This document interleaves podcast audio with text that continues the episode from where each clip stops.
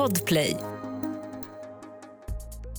Att råna ett postkontor, inte ska väl det vara så förbannat svårt?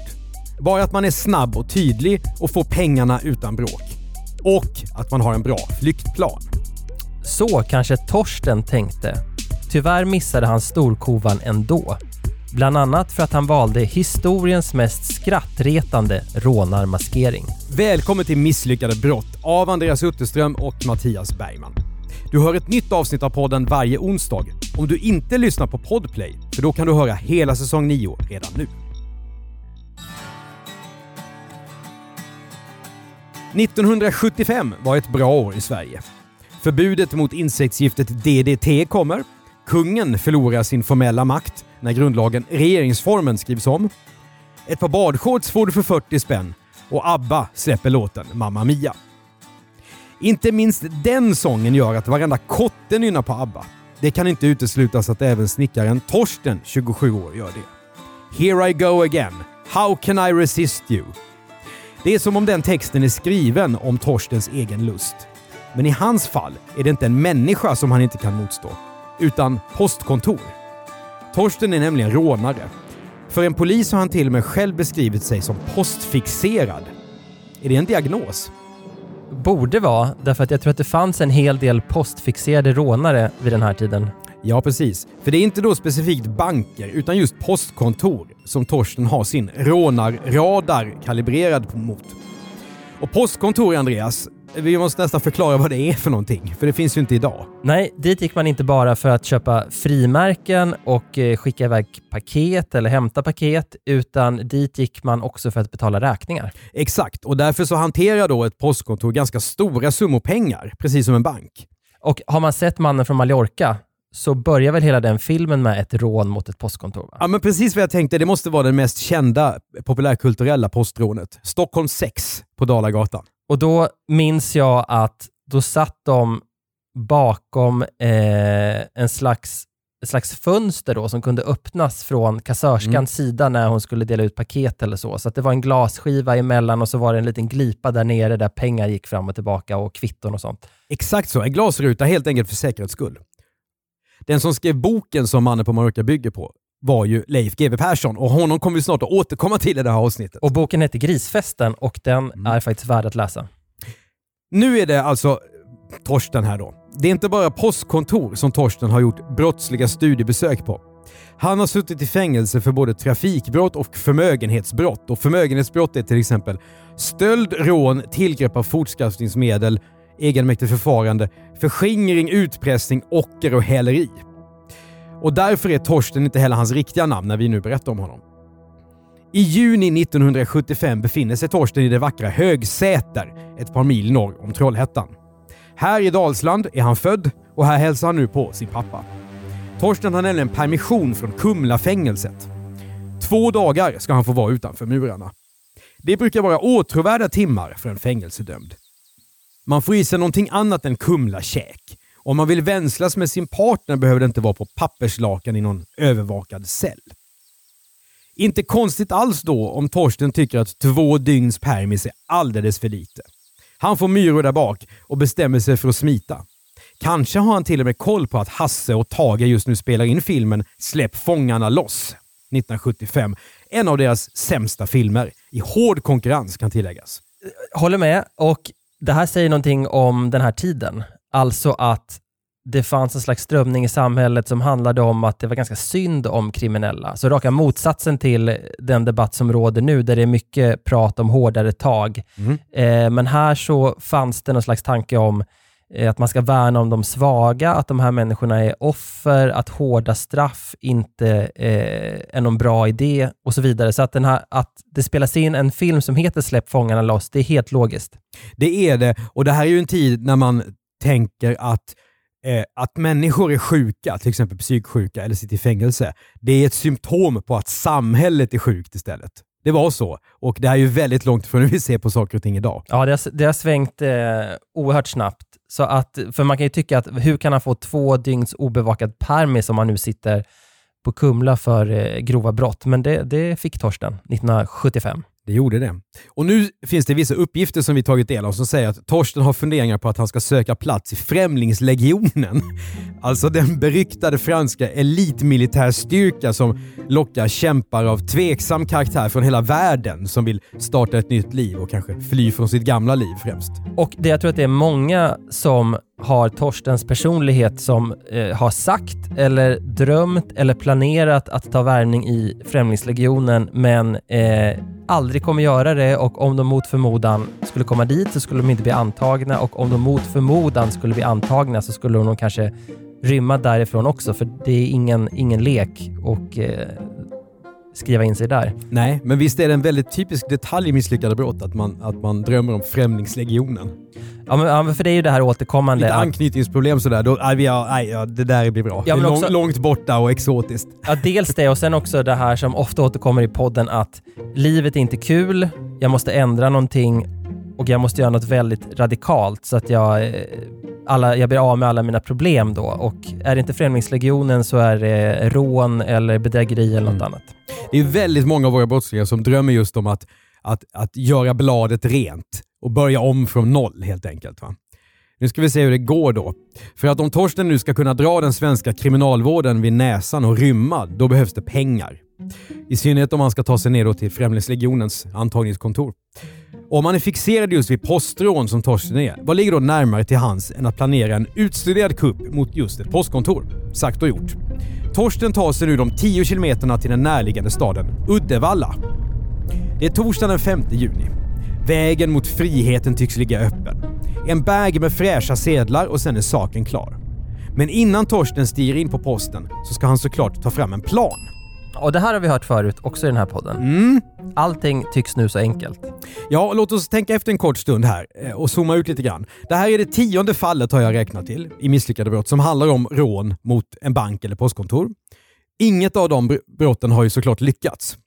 Men om vi säger att, att du då är vår kriminolog här eller vårt brottsförebyggande råd. Varför har det då gått fel i de där fallen? Om vi gör en liten utredning. Mm. Vi har en liten checklista här. Mm. Eh, det första är då fel planering. Till exempel att man planerar för lite, som att man missar då att banken kanske ligger 90 meter från polisstationen eh, så att man inte kan fly. Mm, säsong 8. Eller att man planerar i flera månader men glömmer bort att kolla om det finns några pengar eh, på den plats där man slår till. Och då misstänker jag att du syftar på postrånet Säsong 1. i, eller rånet mot tåget i, i Göteborg där det planerades till förbannelse och sen fanns det inga pengar. Mm. Nästan. Sen har vi då risken för sällsynta händelser som man inte har tänkt på. Som till exempel när man snor en pengaväska i rånet och den har en färgpatron och så utlöses den när man flyr så att rånarna badar i röd färg och ser ut som Gammelsmurfen om man söker på avsnittet. Eller att man ska råna Centralen mitt i Stockholms innerstad samtidigt som hela poliskåren i stan är i närheten för att det är statsbesök. Eller att man hanterar skjutvapen fel, som vid grodmansrånet i Göteborg, det, eh, som vi berättar om i det allra första avsnittet, där rånaren skjuter sig själv i benet under pågående rån. Och då spelar det ingen roll att man har lagt ut eh, trådar i, i ån som man ska fly över, det finns någon som väntar i en båt och allt möjligt, utan då är det, då är det kört. Mm. Så har vi det här med usel flyktplan också. Som att man rånar en bank i en stad där det bara finns en infartsled. Inte smart. Eller att man glömmer bort att kolla om man har bensin i tanken på flyktbilen. Eller i det här fallet flyktmopeden. Så man får soppa torsk när man ska sticka med pengarna. Men varför berättar vi då det här, Andreas? Jo, det är för att nu kommer Torsten inte bara att bli vår kanske sämste rånare hittills. Dessutom kommer han att genomföra han kommer göra alla de här felen som vi nyss har pratat om. Torsten borde nästan få någon form av utmärkelse för det här kan jag tycka. Ja, de- den här historien är ett enda stort varningstecken för alla som lyssnar på podden och nu planerar ett rån. Don't do it. Vi tar det från början. Det är ungefär lunchtid och Uddevalla visar sig från sin bästa sida den här sommardagen. Torstens första beslut i det här rånprojektet det är att gå till Systembolaget. Han köper en kvarting brännvin, en halvflaska vin och några burkar öl. Av dessa drycker får han snabbt i sig både brännvinet och några öl. Ja, och här är väl ytterligare en miss då som man skulle kunna lägga till listan. Eh, Det är var, väldigt, var nykter. det är väldigt dåligt att inte ha fullt fokus. ja, det kan man säga. När det här är klart så är det dags för Torsten att göra vissa inköp. Först behöver han ett vapen som han kan hota postpersonalen med. Och när det gäller rån så finns det två skolor kan man säga bland rånare. En del tycker att det är mycket viktigt att vara hårt bestyckad och visa vapnen för rånoffren så de inte börjar göra motstånd och spela hjältar. Och nackdelen med det är att om man har skarpladdade vapen under rånet så riskerar man att dömas för grovt rån istället för rån om man åker dit. Så det andra synsättet, då har man ett fejkvapen istället som en attrapp då. Eller ett mindre farligt vapen när man utför rånet. Då är man inte lika respektingivande. Men å andra sidan blir straffet lite lindrigare om man åker dit. Ja, och en annan variant är ju att man har ett riktigt vapen men det är inte laddat. Så kan man alltid skylla på det. Ja, men det är väl den smarta medelvägen här. Vad, vad ska jag svara på det? Nej, det behöver inte. Nej. Ingenting. Ja. Det här resonemanget verkar dock inte vara någonting som Torsten direkt har funderat över och särskilt inte nu när han sitter där med sina flaskor från systemet. Han tycks vara beredd att greppa ungefär vilket vapen som helst. Frågan är hur många vettiga ställen att få tag på sådana som det finns i en stad som bara har 32 700 invånare, som Uddevalla har. Först går Torsten till järnaffären. Men där blir det inget tillhygge inköpt. Kanske beror det på att han är rätt bra berusad, som han själv kommer att bedöma det. Istället går Torsten vidare till sportaffären i staden. Där går det bättre. Torsten får tag i någonting som man i alla fall kan avlossa. En startpistol, alltså en sån som man skjuter för att löpare ska sätta fart på banan. Torsten slår också till på 100 extra skott, vilket är mycket mer än han någonsin kommer att behöva. Och allt detta gör han utan maskering. Eh, ja, Det kan man ju också undra hur begåvat det är. eh, bra synpunkt. Och, eh, men vi kommer till det här med maskering nu, för att Torsten är nästan klar eh, att ta sig till posten, men han har själv tänkt på att han måste skaffa en lämplig maskering först. Inte för att kameraövervakningen är så avancerad vid den här tiden, men en rånare utan maskering det är ju som en servitör som inte har förkläde, det hör liksom till. Och här går Torsten på ett säkert kort. Han letar upp en klädbutik. Där väljer han flinkt ut ett lämpligt par typiska damstrumpor som han kan ha över huvudet. På det sättet ska han inte kunna identifieras men samtidigt ha full koll på situationen under rånet.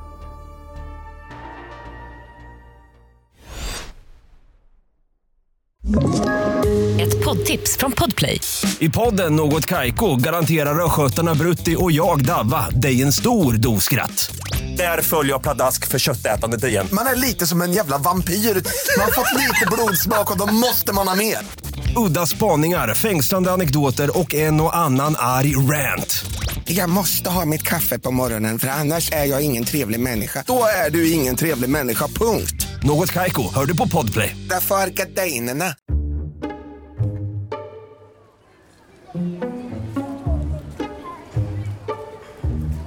Förberedelserna är klara och Torsten går nu längs den breda södra Drottninggatan. Där ligger postanstalten Uddevalla 2. Klockan är 16.30 och posten har öppet till klockan 6.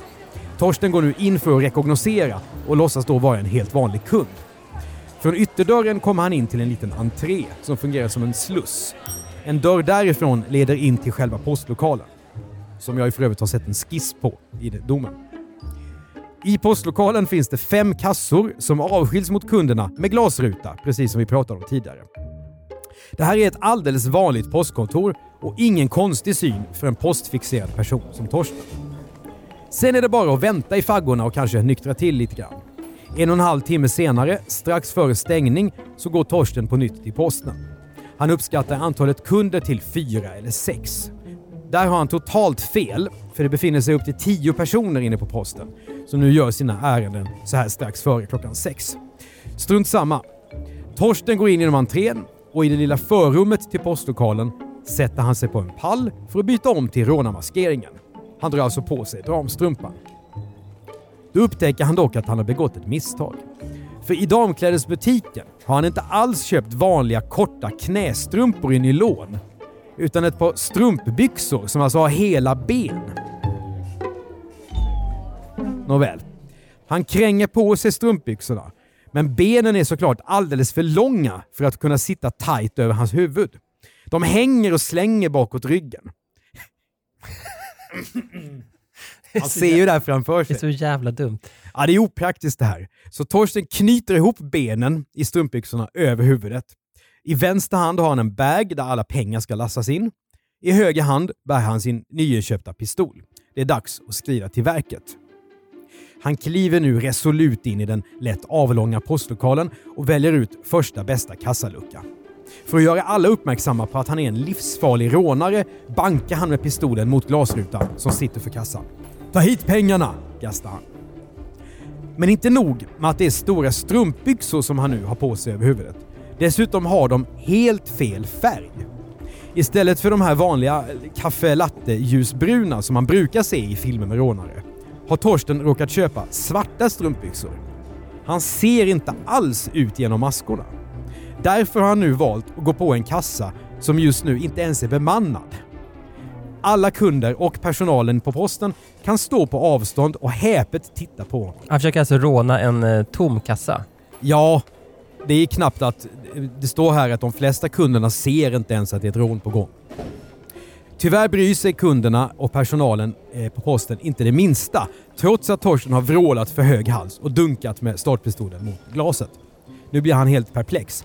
Ingen på posten ser honom som någon farlig rånare som man gör bäst i att ge så mycket pengar som möjligt. Uddevallaborna ser en berusad ung man som för liv. Till på köpet iförd strumpbyxor som får honom att se ut som en kolsvart kanin med långa öron som småflyger runt skallen. Torsten sprider inte direkt skräck. I kassa 1 står Kerstin som är snart 50 år. Hon håller på att räkna kassan eftersom det snart är stängning. När hon ser Torsten går hon in i ett kontor bakom kassan och ringer polisen. Skynda er, säger hon. Då hör hon ett öronbedövande ljud utifrån postlokalen. Han skjuter, kom hit! ropar hon till polisen i telefonen. Men då hör hon också någonting annat. Nämligen människor som skrattar. Och här någonstans Andreas tänkte jag att vi skulle prata lite grann om hur vi har kommit fram till det här avsnittet. För det är en ganska fin historia också. Mm, för vi brukar ju uppmana folk att de ska tipsa oss om case som vi ska berätta om, men i det här fallet så kom ju faktiskt tipset utan att han själv visste om det från den här mannen.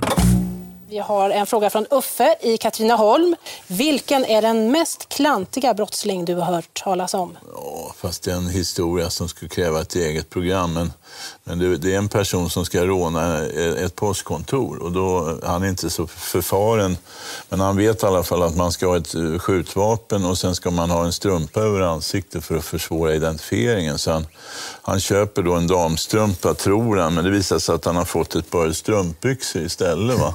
Så när han kommer fram till kassörskan, då, då, då, hon börjar gapskratta för att de här benen från strumpbyxorna, han ser ut som en kanin. Ja, hon säger det i sitt vittnesmål. Han, hon tror att det är ett skämt, för han såg precis ut som en kanin. Ja, men exakt. Det här är ju den omisskännligt eh, knackige Leif GW Persson. För i Veckans brott i Sveriges Television, som vi hörde här, eh, för ett antal år sedan nu, så berättade GW den här historien. Den gick vi såklart igång på, för det här är ju ett klassiskt misslyckat brott, tyckte vi att det lät som. Och då handlade det om att försöka hitta domen i detta. Eh, tyvärr så nämnde ju Leif GW varken något årtal eller någon stad och inte så mycket andra bra sökord heller som man liksom kan gå efter. Så vad gjorde jag då? Jag vet att jag eh, gick till Stadsbiblioteket i Stockholm och läste två böcker av Leif GW där han har liksom samlat sina gamla krönikor och sånt. Och där nämnde han faktiskt på tio rader det här eh, fallet om kaninen. Precis samma historia som han drog på Veckans brott. Men det fanns fortfarande inte tillräckligt mycket uppgifter för att man skulle kunna snäva in den här sökningen. Och Vi kan ju liksom inte ringa och begära ut eh, alla domar om eh, rånförsök. Det, det, går liksom inte. Och Det var ganska länge sedan eh, vi hörde talas om det här. Vi, vi har ju haft mm. det här på vår lista, men inte riktigt hittat det förrän du fick eh, lite känning här. Ja, men det kommer liksom en, en, eh, en hjälp från oväntat håll, nämligen från Leif Hasselberg. I maj 2021 så mejlar Leif till eh, misslyckade.bplus.se, vilket ju är berömvärt av Leif.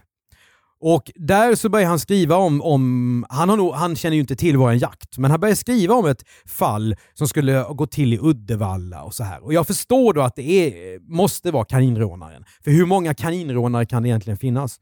Och tack vare Leifs uppgifter om Uddevalla, han hade också lite uppgifter om vad, vad den här gärningsmannen hette, vilka var fullständigt fel, spelar ingen roll tack vare det här så kunde vi snäva in, jag gick till Kungliga biblioteket, kunde hitta datum och sen kunde vi hämta ut domen. Ja, du hittade en artikel helt enkelt, så vi hade ett datum och en, en domstol som man kan begära ut domen. Exakt så, nämligen Uddevalla tingsrätt. Det roliga här är att, eller det roliga, men Leif la även ut i Facebookgruppen Uddevalla förr, för det finns ju såklart en sådan. Han la också ut där om det här fallet.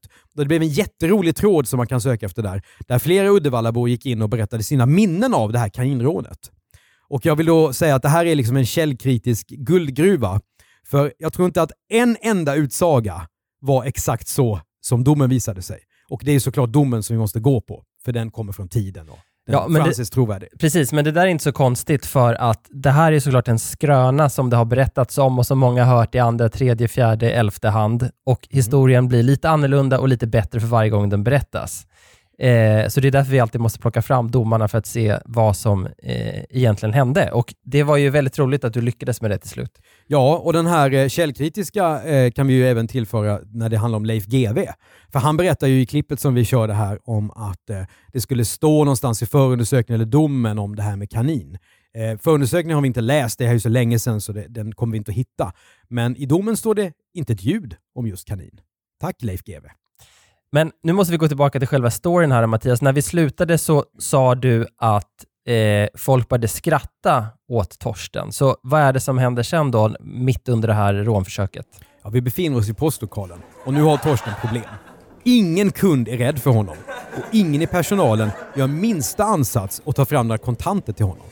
Torsten skriker “Money, money, money” och där är han faktiskt ett och ett halvt år före supergruppen ABBA som först året efter kommer att skriva sin låt som heter just så. I desperation över att ingen nu bryr sig så avlossar Torsten ett skott med sin startpistol rätt upp i taket. Det är det som Kerstin har hört när hon har varit i kontoret bakom för att ringa polisen. Men det här hjälper inte heller det minsta. Mer än att nu börjar kunderna reta sig på Torsten. Men vad säger det här om hur det brukar vara på posten i Uddevalla undrar jag? Om det kommer in en berusad person som har en konstig huvudbonad och som skjuter i taket och det är ändå ingen som bryr sig. Jag- undrar liksom hur, hur vardagen är i den där stan då. Tänker du att de är coola, luttrade eller höga? Luttrade, Ja, möjligt. ungefär som att det här är en vanlig dag på posten. Ja, det är möjligt. Kunderna på posten är nu väldigt trötta på den virriga kaninliknande karn. Folk i lokalen börjar tala med varandra om att alltihop verkar vara ett fånigt upptåg. En av dem säger till och med till Torsten. Vad är det här för skämt? Sluta med dumheterna. De Då kanske, är, det, då är det alltså en man som har avlossat ett vapen precis. men de kanske tror att det är en eh, svensexa. Möjligt, faktiskt. Kunden Sven, 62, som är köpman, han uppmanar Torsten att gå någon annanstans och leka. Postkassörskan Margareta, 31, hon har inte ens fattat att hon är mitt i ett postrån, trots vapen och maskering. En äldre dam muttrar att det luktar knallpulver när Torsten nu har skjutit sitt skott. Nej, Uddevallaborna är inte lättskrämda, men väldigt coola måste jag säga. Om vi vore sportkommentatorer skulle vi nu säga att Torsten har tappat momentum.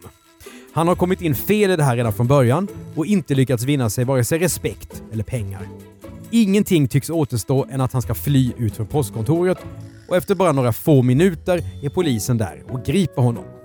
Torsten muddras nu och ordningsmakten tar följande saker i beslag. En startpistol med fem patroner i magasinet. En ask med 100 patroner och slutligen ett par damstrumpbyxor. Torstens misslyckade stöt mot posten och några andra brott de samlas ihop till ett åtal av chefsåklagare Dan Fritz. Torsten är ju van vid rättegångar, men om han har varit i Uddevalla tingsrätt tidigare det vet vi inte.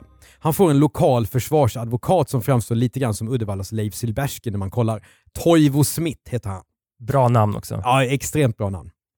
Toivo ska tala för Torstens sak i rättegången och det får han också göra för Torsten säger nämligen bara ett enda ord under hela förhandlingen. Nej. Kanske är Torsten så tyst för att han känner sig lite instängd. Han tvingas nämligen ha både handfängsel och fotbojor på sig inne i rättssalen. Och det är ju inte allt för vanligt i Sverige va? Nej, men eh, det förekommer nog när någon är väldigt rymningsbenägen och det är ju Torsten uppenbarligen. Ja, det måste vara hans rykte som gör att, att tingsrätten inte vill ta några onödiga risker i det här fallet. Chefsåklagare Fritz vill få Torsten fälld för försök till rån, Men det är en utmaning för honom. För försvararen Toivo Smith har en motstrategi som går ut på att Torsten har varit så fruktansvärt klantig att postkuppen på sin höjd är försök till stöld. Torsten har ju inte heller varit i närheten att få ut ens en krona vid det här rånet. Dessutom hade han ju bara en startpistol och inget värre vapen. Det här har vi också hört förut i något annat avsnitt där försvarsadvokaten lägger fram det som en förmildrande omständighet att eh, klienten är en inkompetent brottsling och att man därför ska se mildare på vad, vad hen har gjort. Mm. Det är ju närmast ärekränkning mot Torsten att Toivo har den här strategin. Det kan man tycka, men kanske, kanske det enda som Toivo hade att komma med. Eh, därför att eh, annars kan det vara så i rättegångar att det är oklart vad som har hänt. ja, Eh, det, någon- så är ju inte fallet här Nej, direkt. nej, det var precis det jag skulle komma till. Här är det ju glasklart vad som har hänt och ja, en försvarare får ju gripa efter varje halmstrå och det är väl det Toivo gör här. Verkligen. Förutom på Torsten så får rättens ordförande och nämndemännen lyssna på vad flera av kunderna och personalen på posten har att berätta om den här händelsen. Varken Kerstin, Margareta eller Ingegärd, som då jobbar på Uddevalla 2, säger att de har varit det minsta rädda. Inte heller köpmannen Sven, han som hutade åt Torsten. Plåtslagaren Ingvar, som till och med har fått startpistolen upp i ansiktet när Torsten desperat har försökt skrämma honom, han säger lugnt att han kände obehag. Ingen inblandad i rånet har behövt stöd eller psykologhjälp. Och det är nog unikt för alla case vi berättar om här, för det här är ju en podd där vi berättar om saker i, i lätt ton. Eh, men det är ofta så att de som blir utsatta för ett rån kan må väldigt dåligt efteråt, kanske byter jobb, har svårt att sova, får dödsångest. Så det här sticker ju verkligen ut, att han är så otroligt amatörmässig så att ingen tar honom på allvar eller blir skrämd fast han skjuter i taket. Mm. Och när vakten i rättssalen hör de här ganska ovanliga vittnesmålen, då kan han inte hålla sig utan börjar skratta högljutt mitt under förhandlingen. Chefsåklagare Fritz blir då ilsken. Berättelsen om att Torsten är en mesig rånare gör ju det svårare att få honom fälld just för rånförsök. Dan Fritz ger väktaren en avhyvling inför sittande rätt. Om du inte är tyst får du gå ut. Också unikt. Eh, Har, har åklagaren ens rätt att göra det? Det är ju domaren som bestämmer. Domaren är ju kung i, i rättssalen, så att här tar han sig nog lite friheter. Men eh, att folk får tillsägelser om att vara tysta, det händer ju. Men Ja, då, det händer. då brukar det ju vara eh, det. familj eller kompisar till den som är åtalad som, som får tillsägelse, inte någon som jobbar i domstolen. Uppenbart så är åklagare Fritz ganska pressad här. Nu är, erkänner Torsten också försök till stöld. Men rent juridiskt så spelar hans kaninmaskering och övriga klanterier ingen roll. Eftersom han har försökt råna posten och risken har funnits att han skulle lyckas så är det fortfarande försök till rån. I november 1975 faller domen i Uddevalla tingsrätt. Torsten döms också för bland annat bilstöld, grovt bedrägeri och grov stöld. Två och ett halvt år i fängelse blir det. Det bakas ihop med tre tidigare domar för diverse halvgrova men misslyckade brott. Dessutom ska Torsten betala några hundra kronor i skadestånd till de drabbade. Vilket han ju rimligen inte gör, utan det får nog staten göra istället. Så är det nog. Jag kan inte tänka mig att Torsten har särskilt mycket pengar på banken. Den som begår brott måste såklart straffas. Men att fången Torsten drömde om ett liv i frihet är inte så svårt att sätta sig in i. Precis som en kanin ibland vill vara ute ur buren och skutta lite grann. Men nu åker Torsten tillbaka in på Kumla. Redan en månad senare är han med om att försöka göra myteri inne på anstalten. Tillsammans med en handfull andra interner. Men det är ett annat, allvarligare och lyckligtvis lika misslyckat brott som fullständigt saknar kaninkoppling. Du har hört ett avsnitt av Misslyckade brott av Mattias Bergman och Andreas Utterström. Exekutiv producent är Jonas Lindskog. Du som lyssnar på podden i Podplay kan lyssna på alla avsnitt i säsong 9 redan nu. Du som lyssnar på ett annat sätt får vänta till onsdag för att få ett nytt avsnitt. I säsong 9 kan du till exempel höra om rånaren som blev utskrattad, Göteborgskomikern som drog TV4 till Högsta domstolen och dokusåpastjärnan som ljög sig blå. Tipsa gärna om andra fall som vi borde prata om här till misslyckade.bplus.se. Det är B plus med bokstäver. Normalt sett driver Andreas Utterström och jag innehållsbyrån Commercial Content och medietränar bland annat personer. Kolla på Medieträning 2.0 så får du se. För Podplay så gör vi även poddarna Jag var där, Misslyckade affärer och Misslyckade makthavare. Prenumerera gärna på podden i din poddspelare och betygsätt den så är det fler som hittar till den. Vi hörs!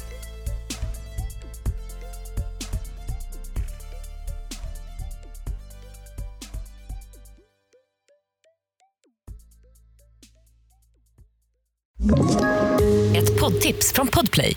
I podden Något Kaiko garanterar östgötarna Brutti och jag, Davva, dig en stor dos skratt.